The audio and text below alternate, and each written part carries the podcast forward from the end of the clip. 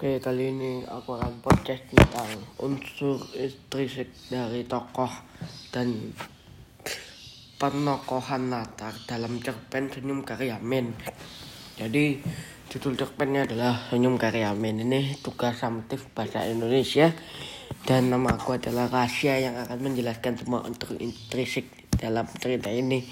Saya memilih kan ini ada pilihannya itu ada tema terus tokoh latar alur dan sudut pandang sudut pandang dan amanat. Di sini aku pilih alur. Jadi aku akan menjelaskan sampai ini adalah formatnya untuk alur. Aku disuruh sampaikan unsur tersebut dalam cerita sampaikan struktur cerita dari awal konflik sampai konflik hingga penyelesaian dan apakah hal ceritanya menarik? Oke akan kita bahas satu-satu. Oke?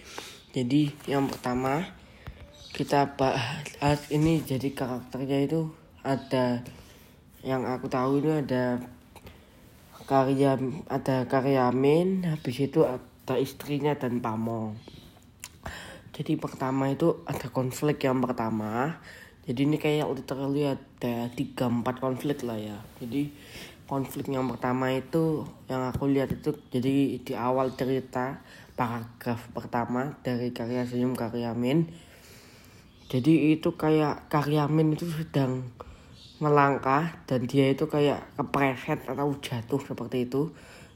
Dan dia dibasahi dan dia kayak kena air di atau dibasahi air yang menetes dari, dari dan dari tubuh Karyamin dan kawan-kawan jadi kayak dilempar air sama kawan-kawannya gitu lah konflik yang pertama. Dan yang yang pulang balik mengangkat batu ke sungai pang, pangkalan material di atas sana Karyamin sudah berpengalaman agar setiap perjalanan selamat. Yakini perjalanan semenjak sambil menjaga agar titik berat beban dan badannya tetap berada di telapak kaki kiri atau kanannya memindahi titik berat dari kaki ke kaki.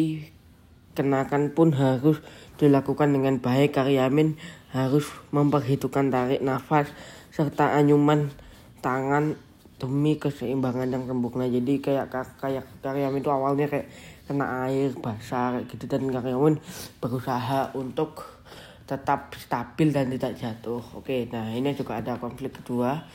Ini konflik keduanya karyamen uh, teriak. Karyamen tuh kayak ah teriak. Tapi dia ngomong sial kayak gitu.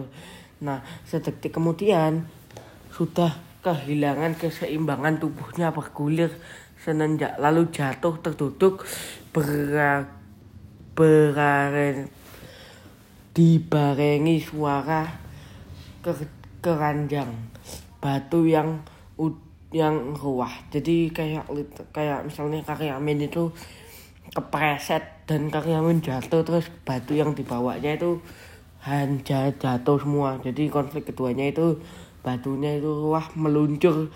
Tetapi terhenti karena tangan karyamin berhasil mencekam rumputan empat atau lima kawan karyamen terjebak bersama mereka para pengumpul batu itu. Jadi kayak karyamen tuh kepreset terus batunya jatuh.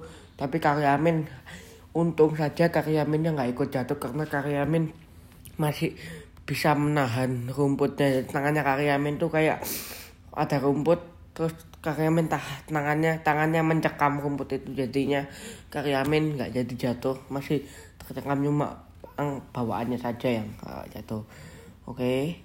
Jadi konflik yang ke berapa? Tiga ya? Ini ada cerita tentang istrimu tidak hanya menarik mata petugas bank harian. Jangan lupa tukang edar kupon buntut itu ku dengar dia juga sering datang ke rumahmu sedang keluar.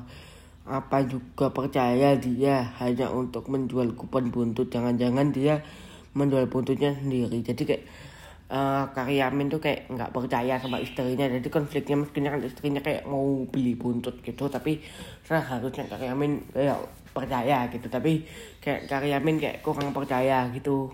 Jadi Karyamin kayak kurang percaya sama penjual rumputnya itu. Oke terus konflik keempat itu kayak Karyamin mau beli daging di pasar. Cuman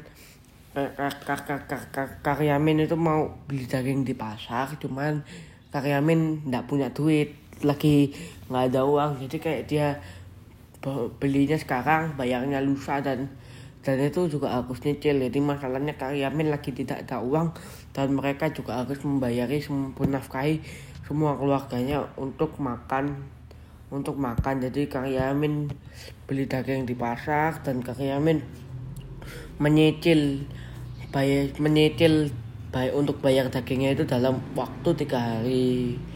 Ya tapi dalam semua itu karyamin ini kesimpulannya mungkin karyamin itu dalam mengatasi masalah itu kesalahan karyamin hanya tersenyum lalu bangkit meski kepalanya pening langit seakan berputar. Jadi karyamin walaupun tetap banyak masalah seperti ini tapi karyamin tetap berusaha bersenyum dan dan bangkit itulah.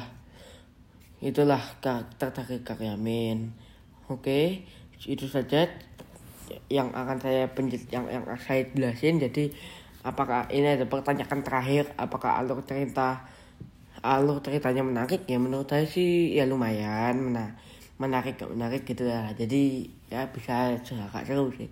Oke dan itu aja podcast dari saya dan terima kasih